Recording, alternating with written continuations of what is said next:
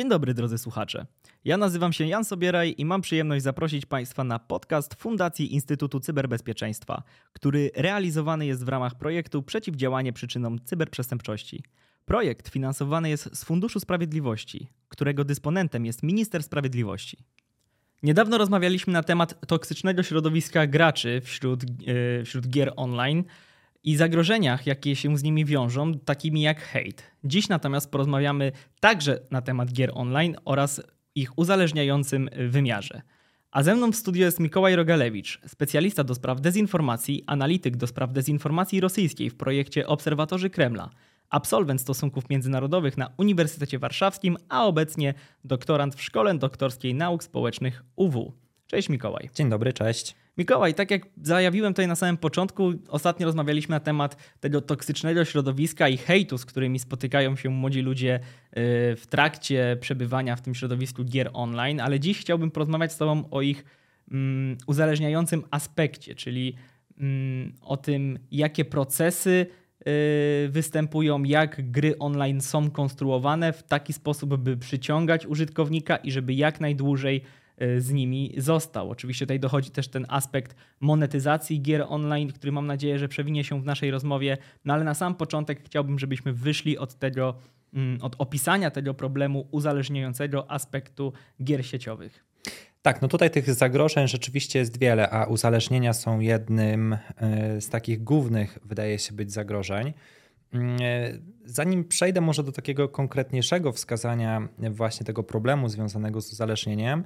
nie, to też chciałbym podkreślić, że same gry nie zawsze y, muszą być uzależniające i nie zawsze są czymś y, negatywnym. Nie, bo nie chciałbym, aby przesłaniem tego odcinka było takie właśnie demonizowanie gier y, komputerowych czy też innych nie, nie o to chodzi, a powiemy też pewnie dzisiaj sobie trochę o pozytywnych aspektach związanych z grami. Natomiast no, te zagrożenia rzeczywiście występują, one są różne. Uzależnienia są jednym z takich głównych zagrożeń i myślę, że warto, warto ten problem przybliżyć w odniesieniu do chociażby rodziców dzieci, które mogą być uzależnione, ale także do osób starszych, bo te zagrożenia w, związane z grami nie dotyczą tylko dzieci, ale też osób, osób starszych. Więc e, zaczynając, e, jakie są, mm, jakie są te takie główne zagrożenia związane właśnie z uzależnieniami? No przede wszystkim uzależnienia od gier komputerowych mogą prowadzić do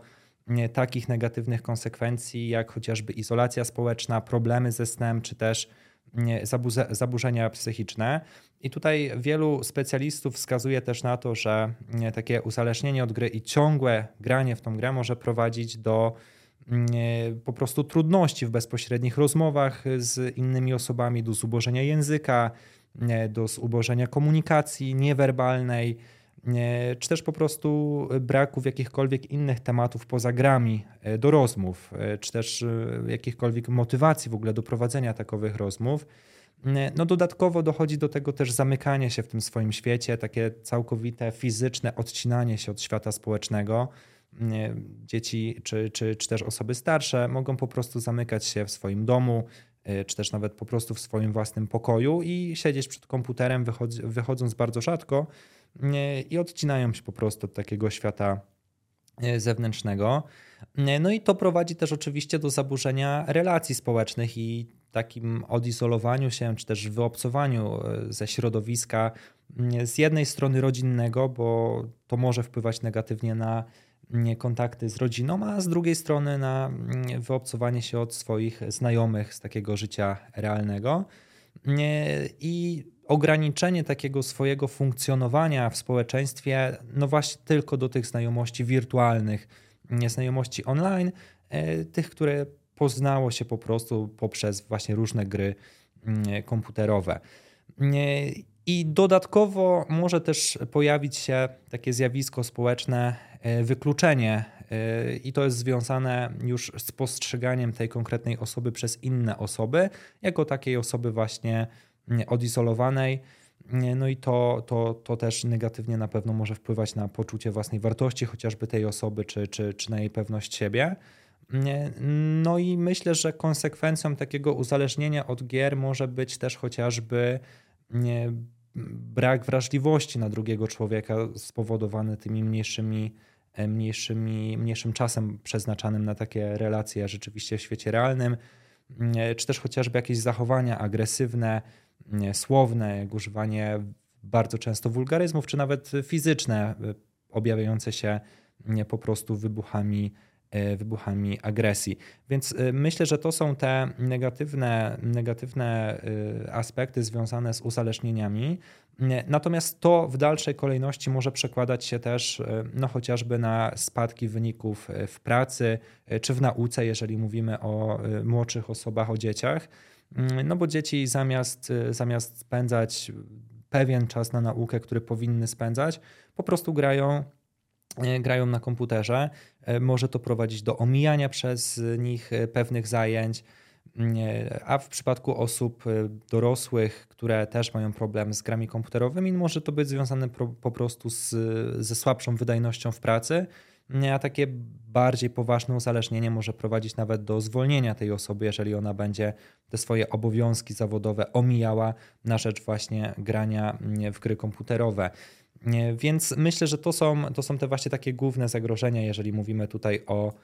e, o uzależnieniu. E, ale te zagrożenia są także inne, no chociażby e, granie w gry komputerowe nałogowo i uzależnienie od tych gier może prowadzić też do mm, ryzyk związanych z dużym wydawaniem pieniędzy na te gry komputerowe, bo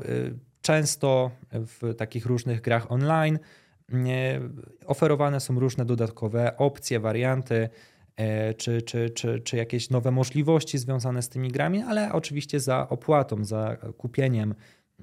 jakichś tam dodatkowych punktów, konta premium i tak dalej. No a jeżeli ktoś bardzo wciągnie się w daną grę, no to może zacząć wydawać tych pieniędzy po prostu na, na tą grę e, coraz więcej. No i to może prowadzić też do problemów właśnie związanych, e, związanych z, z no, problemów finansowych. No i ostatnie, e, ostatnie zagrożenie, na które chciałbym wskazać, to jest wpływ na zdrowie fizyczne i psychiczne. To znaczy osoby, które bardzo dużo grają na komputerze, zapewne bardzo mało czasu poświęcają na sport, albo nawet nie tyle co na sport, czy na jakikolwiek ruch, na spacery,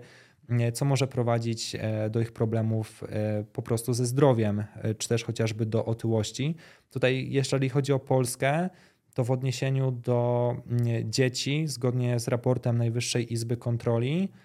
z ubiegłego albo z jeszcze poprzedniego roku, ponad 1 piąta dzieci w Polsce zmaga się z problemem nadmiernej masy ciała I przy czym 14,5% ten raport wskazywał, tych dzieci ma nadwagę, a 7,2% to osoby chore na otyłość. E, to były dane, które dotyczyły osób od 2 do 18 roku życia i oczywiście nie dotyczy, znaczy sam ten problem nie jest związany tylko z grami e, online, no bo ta problemy, znaczy powodem otyłości mogą być, mogą być też inne, ale do tego też mogą prowadzić właśnie uzależnienia od gier. Teraz przedstawiłeś tutaj trochę taką katastroficzną wizję tego uzależnienia, bo tutaj mówimy o dość poważnych sprawach, typu właśnie ktoś się izoluje, ktoś się zamyka w pokoju, gdzieś traci kontakt z rzeczywistością, ale ja bym chciał zwrócić uwagę na to, żeby nam to nie umknęło, że przecież szereg osób, które być może nawet sobie nie zdają sprawy z tego, że są uzależnione, albo to uzależnienie ich nie jest mm, na tyle poważne, żeby zaburzało im e, rytm dnia, to jest sytuacja właśnie związana z grami sieciowymi, w których, e, które tak naprawdę dzieją się w czasie rzeczywistym, bo my w momencie wylogowania się z tej gry czy wyłączenia, tak naprawdę ona się, nie wiem, nie, nie pauzuje, nie zapisuje, tylko ten świat się cały czas toczy. A jako, że to są gry sieciowe, no to oczywiście aktywność innych graczy jest niezależna od tego, czy my jesteśmy w grze, czy nie. Więc tutaj jakby też dochodzi ten aspekt, po pierwsze, tego poczucia, że jeżeli nas nie ma, tym momencie podłączonych do gry, to inni są, więc dzieje się coś, co w tym momencie nas omija. E, być może, być może, nie wiem, rzutuje to na jakąś tam naszą, nasze wypracowane efekty, które już gdzieś tam mamy zrobione i których nie chcielibyśmy stracić, albo e, inna sprawa, jakby wiele rzeczy jest po prostu powiązanych z czasem rzeczywistym. Inna, jeżeli w zależności od tego, w jaką grę wgramy, jak, jak, jak ona jest skonstruowana, no to może być taka sytuacja, w której dane zadanie czy daną czynność trzeba wykonać w odpowiednich interwałach czasowych. Więc to też zaburza gdzieś tam ten rytm dobowy, bo ludzie potrafią sobie nastawić budzik w środku nocy po to, żeby wejść, zalogować się do gry i kliknąć coś, żeby im nie przepadła, czy to premia dzienna. Ja wiem, że to może trochę głupio brzmi, ale tutaj, żeby odpowiednio zrozumieć o, co, o, co, o, o czym mowa, to mm, dość dobrze trzeba jakby się orientować, jak, jak po prostu działa system, system gier sieciowych. Dlatego Mm, chciałbym tutaj zwrócić uwagę na to, że, że po jednej stronie mamy te osoby młode, gdzie tak naprawdę jakby kontrolę nad ich czasem w jakiś sposób sprawują rodzice, no ale po drugiej stronie mamy te osoby dorosłe, które, tak jak tutaj zaznaczyłeś, u których dochodzi jeszcze ten czynnik wydawania pieniędzy, no bo to są osoby, które jakby są w stanie same się utrzymać i są w stanie i po prostu mają pieniądze na to, żeby angażować środki finansowe w taką rozrywkę. Dlatego tutaj chciałbym po prostu zwrócić uwagę na funkcjonowanie jakby e, różnych aspektów tego uzależnienia, że nie tylko uzależnioną jest osoba, która się izoluje i traci kontakt z rzeczywistością, ale także osoba, która mm, musi dostosować, jakby stara się dostosować swój rytm dnia pod to, bo wie, ma z tyłu głowy, że coś konkretnie chciałaby wykonać, czy musi wykonać e, w grze, w grze sieciowej. No i właśnie w ten sposób chciałbym przejść do zagadnienia objawów uzależnienia, jakie są pierwsze takie sygnały, na co powinniśmy zwracać uwagę, być może w naszym bliskim otoczeniu, jeżeli widzimy albo podejrzewamy, że osoba, z którą mamy bliski kontakt, może przejawiać takie, mm, przejawiać takie mm, czynniki czy, czy, czy, czy, czy zachowania, po których możemy sądzić, że jest uzależniona. No właśnie, bo to też zależy troszeczkę od y, poziomu, stopnia uzależnienia. Rzeczywiście w, może to przejawiać się, tak jak wspomniałeś, tym, że ktoś e, komuś tak bardzo zależy na tej gry, że jest nawet w stanie e, poświęcić e, jakość swojego snu i obudzić się o tej drugiej czy trzeciej w nocy tylko po to, żeby na chwilkę wejść i w tej grze coś zrobić. No i to już jest właśnie jeden z takich objawów uzależnienia. No na pewno objawem takiego uzależnienia jest odczuwanie przymusu grania w gry, czyli jeżeli ktoś wychodzi gdzieś sobie na zewnątrz, ale nie może po prostu e, wytrzymać i musi w tą e, grę zagrać, bo po prostu tak bardzo, tak bardzo odczuwa tą potrzebę, no to to już jest e, ewidentny taki objaw właśnie uzależnienia. Tak samo jak odczuwanie negatywnych uczuć w przypadku niemożności zagrania, gdy na przykład e, zepsuje mu się komputer, telefon albo gdzieś po prostu wyjedzie, nie ma dostępu do internetu, cokolwiek. Nie ma fizycznej możliwości zagrania w tą grę i to powoduje u niego jakieś różne negatywne e, uczucia, takie jak złość, agresja, e, smutek i tak dalej. No to to już jest ewidentny też mm, objaw tego, że możemy mieć do czynienia po prostu mm, z uzależnieniem. No i e, to, co już też troszkę mówiliśmy, czyli przede wszystkim czas, który spędza na graniu. Jeżeli następuje wyraźnie wzrost tego czasu e, spędzanego na graniu w gry, e, czy też nawet utrata kontroli nad tym czasem. Ktoś siada, gra w tą grę i nie wie, kiedy minęło mu kilka godzin. To też jest ewidentny, ewidentny objaw zaniedbywanie innych obowiązków, y, czy też różnych ról społecznych na korzyść właśnie czasu spędzanego w graniu gry, w gry, y, czyli zaniedbywaniu pracy przez osoby dorosłe, y, gdy mają jakieś istotne obowiązki, czy jakieś projekty właśnie w pracach, ale zaniedbują to, nie przestrzegają deadline'ów, co jest spowodowane właśnie tym, że bardzo dużo czasu poświęcają także na granie w gry a w przypadku dzieci, e, no właśnie, zaniedbywanie e, prac domowych, zaniedbywanie e, nauki, no to to jest, to to jest też także już niepokojące. Mm, I takim klasycznym objawem może być też porzucenie wcześniejszych pasji czy zainteresowań. Jeżeli ktoś wcześniej uprawiał regularnie sobie sport, miał jakieś swoje hobby, nie wiem, fotografię, cokolwiek, no ale porzuca to dlatego, że tak bardzo wciągają go gry i woli siedzieć przed komputerem, przed telefonem, nie wiem, tabletem i po prostu grać.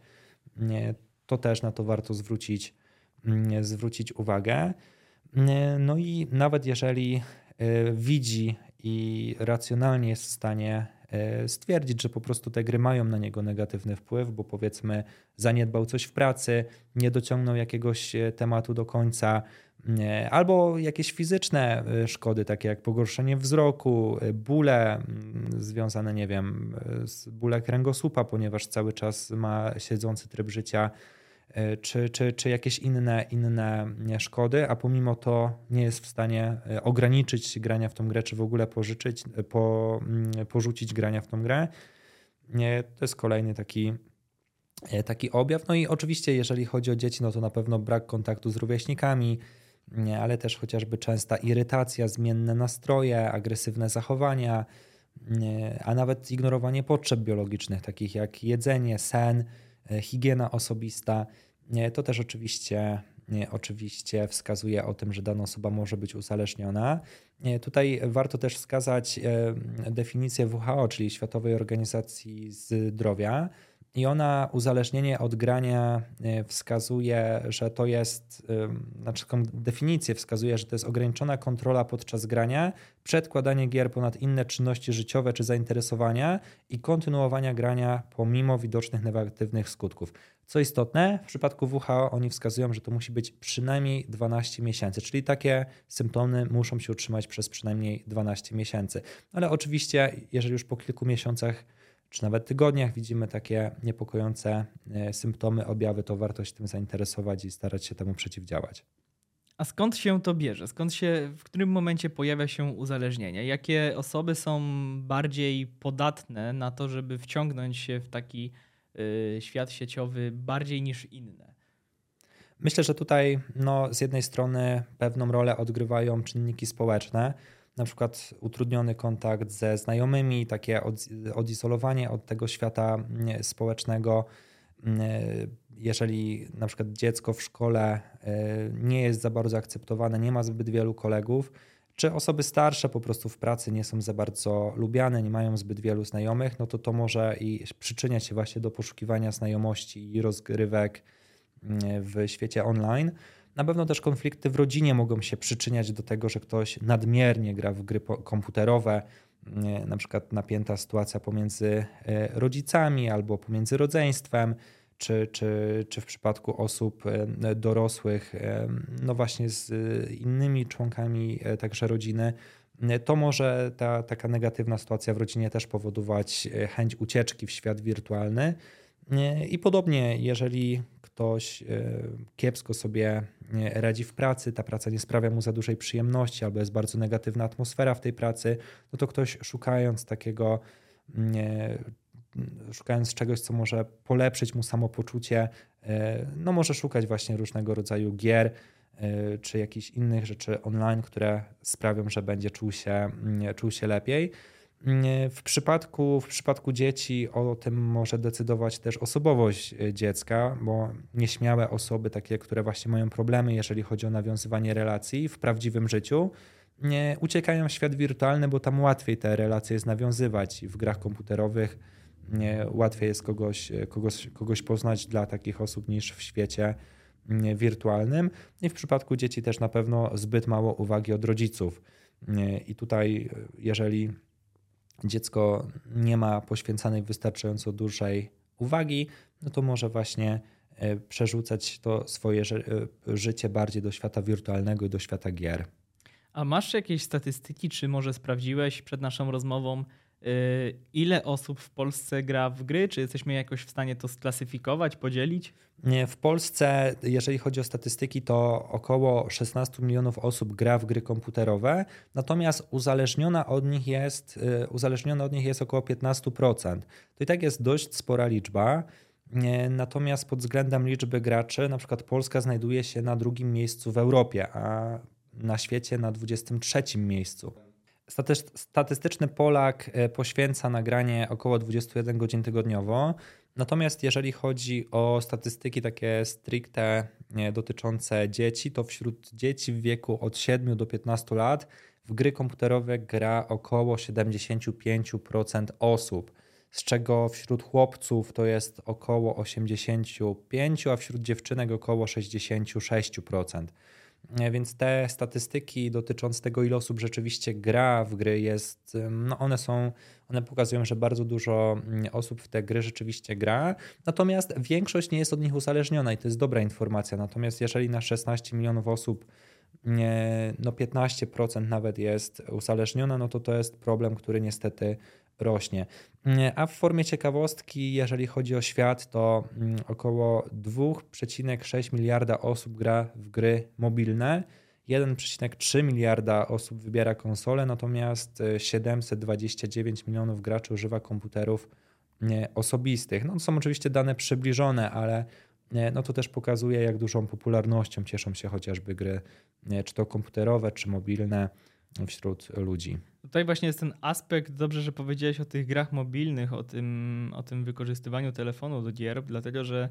coś, co y, być może już jest coraz bardziej świadomość na ten, na ten temat rośnie, ale, ale coś, z czym się docelowo y, uzależnienie od gier y, nie kojarzyło, to jest właśnie ten wpływ gier mobilnych i wykorzystywania do nich telefonów, bo o ile dość łatwo jest sobie skategoryzować, czy tam połączyć uzależnienie od gier właśnie z komputerem czy z konsolą, o tyle no, konsoli czy komputera do kieszeni nie zabierzemy, a telefon większość z nas ma przy sobie cały dzień. I o ile charakter projektowanych gier na konsolę czy na komputer może być uzależniający ze, swój, ze względu na swój właśnie ten wymiar sieciowy, o tyle właśnie to te gry mobilne są takim mm, prostym narzędziem, nie wymagającym y, praktycznie za dużo zaangażowania zasobów na początku. Nie są to produkty skomplikowane, próg wejścia jest bardzo niski, no bo w przypadku konsoli czy, czy, czy, czy komputera stacjonarnego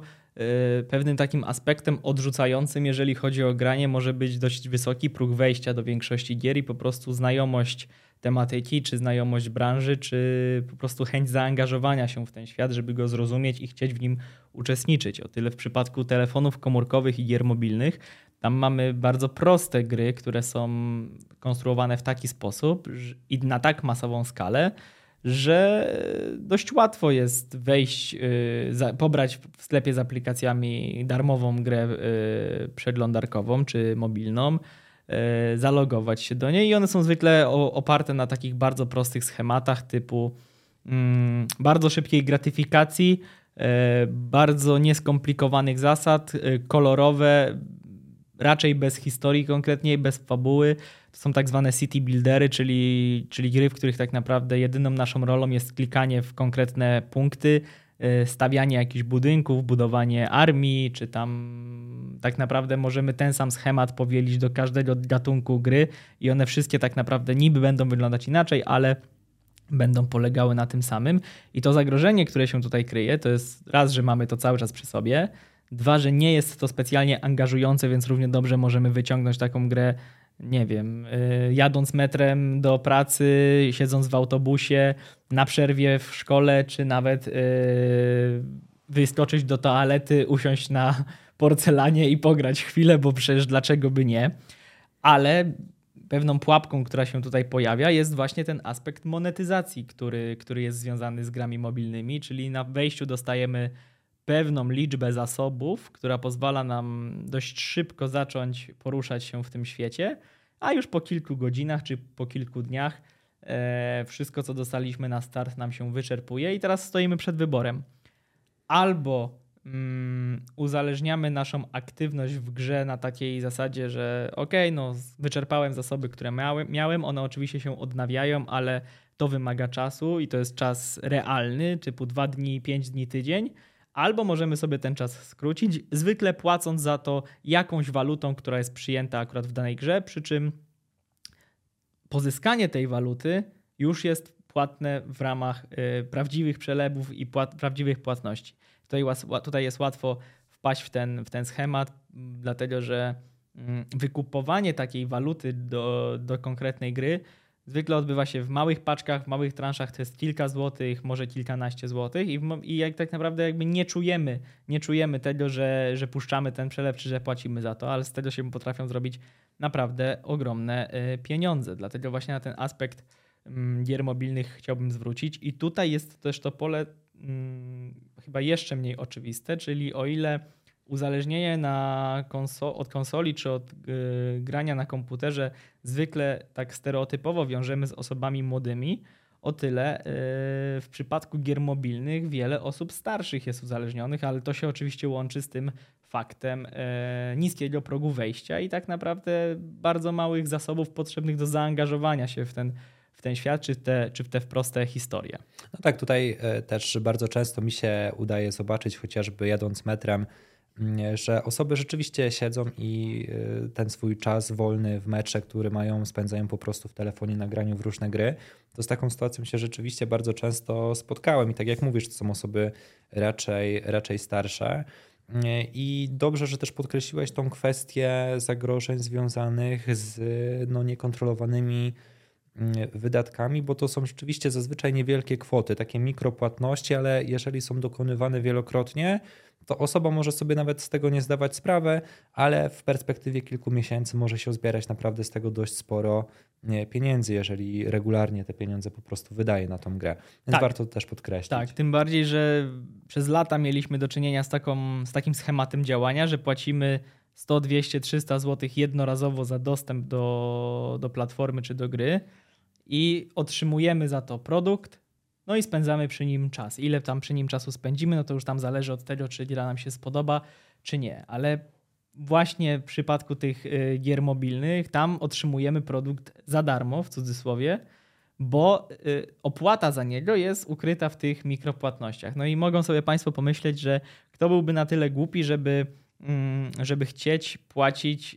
y, za być może marnej jakości produkt w grze na telefon. No ale tutaj się okazuje, że z perspektywy producenta, jeżeli grę mobilną pobierze w skali świata 100 milionów osób, no to nawet niech te 10 milionów wpłaci jednorazową transakcję, która będzie kosztowała, nie wiem, 5 dolarów, jakaś mikro, mikropłatność, to już się robi z tego całkiem poważny wynik i oczywiście producenci liczą się z tym, że większość osób y, w momencie, w którym trzeba będzie zapłacić za coś w tej grze, oczywiście się odbije i ją usunie, odinstaluje, czy przestanie po prostu jej poświęcać czas. Ale zawsze będzie ten jakiś procent, który y, zaangażuje się w takie transakcje. No i jeszcze chciałbym zwrócić uwagę na to, jak ludzie dodatkowo wpadają w taką pułapkę gier mobilnych. E, myślę, że wielu z nas spotkało się z reklamami gier mobilnych w przestrzeni internetowej, ponieważ to jest proceder, który się nagminnie e, spotyka. Mianowicie, czy to w ramach reklamy na filmie na YouTubie, czy to na Facebooku, czy gdzieś wyskakuje e, reklamówka. Zwykle to jest wideo jakieś Mm, które opowiada jakąś ciekawą historię, ładnie jest wyrenderowany film, dobrze to wygląda, być może nawet wygląda to jak gry te wysoko, te, te, te tytuły AAA wysokiej półki na konsolę. No tam z, o, z, z guzikiem, że pobierz teraz, zagraj teraz i tak dalej. Po czym wchodzimy w ten link, pobieramy taką grę i się okazuje, że sama gra w sobie y, wygląda nie dość, że zupełnie inaczej niż to, co było na filmie,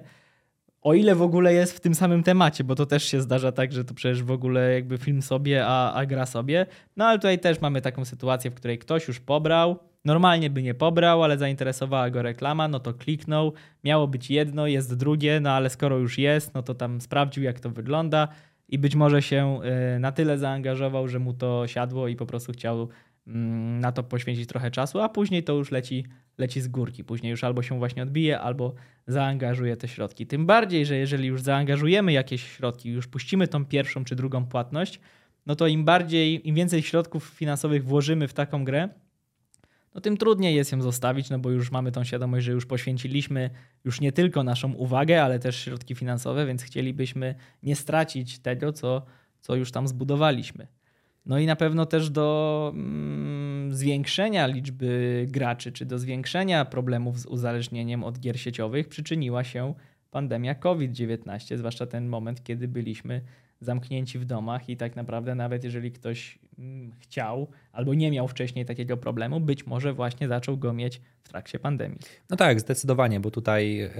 możliwości wychodzenia z domu swego czasu były bardzo mocno ograniczone ze względu na lockdowny więc bardzo dużo osób szukając jakiegoś e, zajęcia, no właśnie stawiało na gry, czy to komputerowe, czy na konsoli, czy,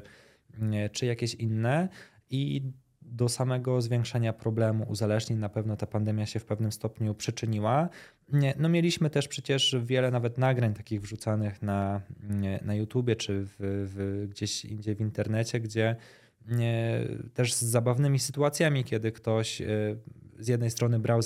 udział w zajęciach, które były online, ale z drugiej strony grał sobie na komputerze, natomiast gdy zapomniał wyłączyć mikrofonu, no to było słychać o, o czym na przykład rozmawia na temat tej gry komputerowej z innymi osobami. Więc to był na pewno duży, duży problem i w kontekście nauki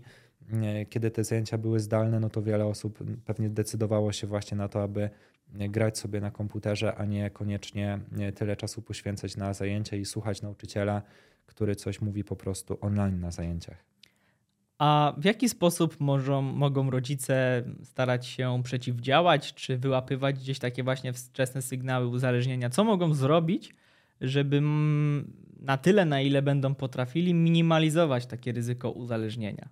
Myślę, że tutaj przydatna na, do pewnego stopnia jest kontrola rodzicielska, żeby rodzice no, w pewien sposób monitorowali to, w jaki sposób dzieci grają w te gry komputerowe, co to są za gry komputerowe, jak dużo czasu na to poświęcają. I oczywiście nie chodzi o pełną, taką całkowitą kontrolę nad tym, co, w co dziecko gra i tak dalej, no bo to może prowadzić jedynie do pogorszenia, pogorszenia relacji z tym dzieckiem i sprawienia, że ono nie będzie się czuło za dobrze, no ale taka pewna kontrola myślę, że powinna, powinna istnieć, bo dzięki temu mogą zobaczyć, że na przykład dziecko gra albo w jakieś gry komputerowe, które mu szkodzą, albo po prostu za dużo czasu spędza na te gry komputerowe. No a jeżeli uda się to rzeczywiście dojrzeć, to wtedy y, można temu w jakiś sposób przeciwdziałać i na przykład zachęcać dzieci do tego, aby bardziej stawiały na jakieś inne aktywności takie w życiu realnym, aby na przykład zapisać na jakieś zajęcia sportowe, zajęcia pozalekcyjne związane z muzyką, e, fotografią, e, czy czymkolwiek, nauką języka obcego, coś, czym to dziecko rzeczywiście się zainteresuje, czymś, co będzie dla tego dziecka atrakcyjne i ciekawe, co sprawi, że rzeczywiście będzie chciało poświęcać na to czas, a nie musiało poświęcać na to czas. No i to może odciągnąć go trochę od tych gier komputerowych i w ten sposób można temu można temu przeciwdziałać. No i bardzo ważne jest to, żeby stawiać na rozwój kontaktów tego dziecka ze swoimi rówieśnikami. Bo jeżeli te kontakty rzeczywiście będą dobre, to te dzieci mogą y, chcieć się też częściej mm, spotykać w takim życiu y, rzeczywistym, no a nie, nie, nie tylko łączyć się online i grać właśnie w gry, w gry komputerowe. Natomiast jeżeli chodzi o mm, no, sytuację, w którym już mamy do czynienia z tym, że to dziecko jest uzależnione, albo po prostu jakakolwiek inna osoba jest uzależniona, też osoby dorosłe, to warto poszukać pomocy psychologicznej, bo tutaj specjaliści oferują różne wsparcie i też terapie dostosowane po prostu do indywidualnych potrzeb każdego pacjenta, diagnozują na czym polega problem, starają się go zrozumieć, no i następnie dobierają odpowiednią metodę, na przykład terapeutyczną, która może być zastosowana do tego, aby, mm, aby sobie z tym problemem poradzić. Więc należy pamiętać właśnie o tym, że jeżeli już takie uzależnienie jest, to ono może zostać E, zwalczone i wa warto, warto temu przeciwdziałać. Jeżeli mamy tego świadomość, to po prostu szukać pomocy e, specjalistów, e, psychologów, którzy się tym zajmują, którzy mogą po prostu pomóc nam poradzić sobie z takim problemem. Ja tutaj bym chciał jeszcze zwrócić uwagę na to, że mówiąc o uzależnieniu od gier sieciowych, czy w ogóle o uzależnieniu od gier komputerowych, czy to mobilnych, to chciałbym zwrócić uwagę na to, że niekoniecznie ważne jest to mm, w jaką e, grę osoba gra. E, jeżeli tutaj wspomnieliśmy przed chwilą o dobrych praktykach dla rodziców i, i, i pewnej takiej mm, kontroli czy ciekawości sprawdzenia tego, w jakie gry dziecko gra, to absolutnie nie sugerowałbym się tutaj tego, czy gra jest odpowiednia dla dziecka, czy nie. W sensie, jakby to już zostawiam do Państwa decyzji, ale nie działa to w taki sposób, że jeżeli gra będzie brutalna, to dziecko się uzależni, a jeżeli mamy grę, e, która, nie wiem, może być faktycznie przeznaczona do dzieci, to e, ryzyko uzależnienia jest mniejsze. Powiedziałbym więcej, powiedziałbym nawet, że gry skierowane do dzieci mają dużo silniej mm, wyostrzony ten charakter uzależniający, no bo dziecko jest najłatwiej uzależnić i o ile dorosły może mieć trochę inną percepcję na temat tego, mm, na co poświęca czas i na co poświęci swoje środki finansowe, o tyle dziecko, no, które nie dysponuje własnym, własnym fun własnymi funduszami albo dysponuje nimi w ograniczonym stopniu w ramach jakiegoś tam kieszonkowego czy odłożonych pieniędzy, no może po prostu próbować wyciągnąć takie pieniądze od rodzica, w sensie poprosić go o, o, o jakieś pieniądze właśnie, że, żeby, żeby mogło sobie gdzieś tam przeznaczyć je, przeznaczyć je w tym świecie w tym świecie wirtualnym. Przy czym tutaj po prostu uczulam na to, że to, że gra jest y, mniej lub bardziej brutalna, czy po prostu przeznaczona y, swoim, swoją tematyką do bardziej dojrzałych y, odbiorców, w żaden sposób nie wpływa na to, czy jest bardziej uzależniająca, czy nie. No rzeczywiście, tutaj na uzależnienie może to nie mieć konkretnie wpływu, no ale są gry, które są na przykład dostępne do 16 czy 18 roku życia, jeżeli dzieci w wieku 10 czy 11 lat zaczynają w nie grać, to nie uzależniające, ale inne zagrożenia mogą być z tym związane, jak chociażby właśnie i inny negatywny wpływ na nie. Jasne, nie? Więc z tego, jasne, z tego względu to jest też tam gdzieś ważne, żeby spojrzeć, czy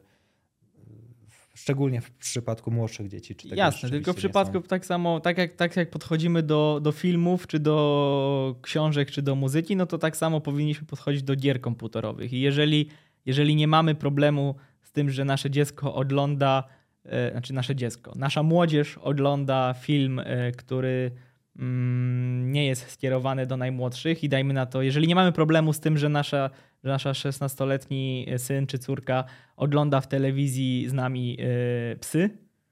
w sensie chodzi o film, film Pasikowskiego, mhm. To nie miejmy też problemu z tym, że gra w gry te, o tematyce wojennej, czy Call of Duty, czy Battlefield bo mimo, że to są gry skierowane do widza ponad 18-letniego, bo takie mają ograniczenie z uwagi na język, sytuacje wojenne, brutalność i tak dalej, o tyle producenci sobie doskonale zdają sprawę, że ponad połowa osób, które gra w te gry, nie jest pełnoletnia, no i jakby nikt z tego nie robi wielkiego problemu. Tym bardziej, że wszystkie gry komputerowe są oznaczone systemem wieku PEGI, czyli na pudełku mamy sugerowany wiek, od którego gra powinna być przeznaczona dla, dla odbiorcy. No ale nikt w sklepie nie zwróci nam uwagi, jeżeli 15-latek kupi grę y, przeznaczoną od 18 lat, dlatego że to po prostu nie działa w taki sposób i tutaj akurat pod tym kątem ważniejsza jest rozmowa z dzieckiem, czy dziecko rozumie, mm, czy dziecko rozumie, jakby z jaką tematyką obcuje i co ta gra chce mu przekazać, bo przecież y, tak, jeżeli, tak samo jeżeli mogą być filmy brutalne, ale z, pewną, z pewnym przesłaniem i Proszę bardzo, pierwszy przykład z brzegu, film na zachodzie bez zmian, brutalny, wojenny, ale o jednoznacznie antywojennym przesłaniu, no to taki sam możemy mieć przykład w grach komputerowych, więc tutaj chciałbym po prostu, żebyśmy nie deprecjonowali gier za sam fakt tego, że są grami, bo mogą nieść ze sobą, za sobą równie, równie ambitne i równie, i równie warte Mm, poznania historii, tak samo jak, jak, jak film. Jest to po prostu inny wymiar sztuki. No to już zależy po prostu od konkretnej gry i też od rodziców, czy akurat na taką grę się zgadzają, czy nie, czy na taki film się zgadzają, czy też nie. No, myślę, że to się odnosi po prostu do jakichś bardziej szczegółowych, konkretnych przypadków. I zamykając temat naszego, naszej dzisiejszej rozmowy, chciałbym, żebyśmy na sam koniec opowiedzieli sobie o pozytywnych aspektach grania w gry. No właśnie, bo same gry nie mają e, jedynie, wyłącznie negatywnego e, wydźwięku, więc nie, nie chciałbym, żeby też taki był wydźwięk tego odcinka. Zwróciliśmy po prostu uwagę na pewne zagrożenia, które z tymi grami się wiążą i na pewien problem społeczny, którym jest uzależnianie się y, dzieci i też osób starszych od gier, ale bardzo wiele osób gra w gry i nie jest od nich uzależniona i te takie właśnie gry komputerowe czy inne y, w odniesieniu do takich osób rzeczywiście mogą mieć wiele pozytywnych, e, pozytywnych e, tutaj pozytywnego wpływu. No, chociażby to, że gry komputerowe w pewien sposób e, uczą koncentracji, pomagają ćwiczyć spostrzegawczość, analityczne myślenie. To zależy oczywiście od specyfiki danej gry. W przypadku dzieci jest wiele takich gier, które rozwijają zdolności plastyczne albo matematyczne. Dają też możliwość zapoznania się chociażby ze światem roślin, zwierząt,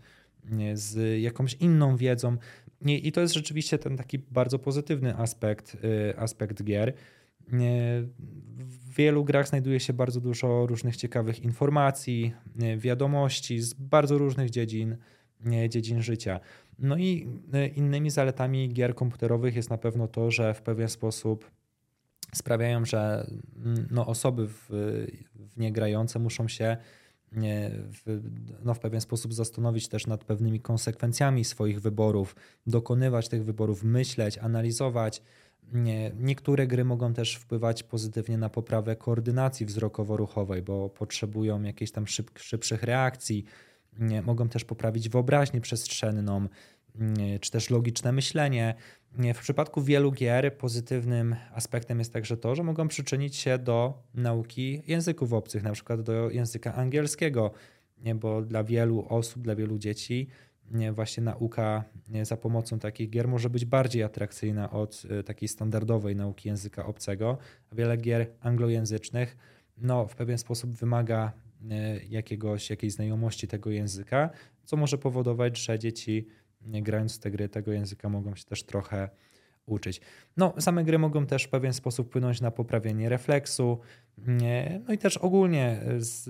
doprowadzić do takiej bieglejszej e, znajomości komputera, czy też e, wiedzy dotyczącej informatyki. W wielu grach też istotna jest współpraca i tutaj e, ta umiejętność współpracy też może się właśnie wykreować, jeżeli chodzi o gry komputerowe. Gry mogą też pobudzać umysły dzieci, uaktywniać właśnie myślenie, rozwijać intuicję, e, myślenie hipotetyczne, no i to wszystko, to wszystko na pewno pozytywnie na nie, na nie wpływa. Tak więc tych pozytywnych aspektów związanych z grami też jest wiele. E, I tak jak e, wspominaliśmy na początku, same gry w sobie nie są złe. Istnieją pewne zagrożenia związane z tym, że można za dużo czasu poświęcać na granie w te gry, związane z uzależnieniami. Natomiast istnieją też pewne pozytywne aspekty. Problemem jest to, że problemem społecznym jest to, że istnieje sporo tych osób rzeczywiście uzależnionych od gier, ale e, wiele osób gra w gry, nie jest od, nie, od nich uzależniona, no i dzięki temu te gry też w pewien sposób pozytywnie na nie wpływają. Dzięki Ci Mikołaj za dzisiejsze spotkanie. Mam nadzieję, że nasza dzisiejsza rozmowa była dla Państwa interesująca, że dowiedzieliście się czegoś nowego. Myślę, że taką najciekawszą e, informacją, którą można wyciągnąć e, z tego spotkania, jest właśnie zwrócenie na aspekt uzależniający tych gier mobilnych i jakby tej łatwej dostępności przez e, po prostu używania telefonu, wykorzystywania telefonu do, do zaangażowania się w nie. Ja Państwu bardzo dziękuję za dzisiejszą rozmowę. Dziękuję serdecznie. I do usłyszenia następnym razem. Dzisiejszy odcinek podcastu dla Fundacji Instytutu Cyberbezpieczeństwa został zrealizowany w ramach projektu Przeciwdziałanie przyczyn cyberprzestępczości. Projekt finansowany jest z Funduszu Sprawiedliwości, którego dysponentem jest Minister Sprawiedliwości.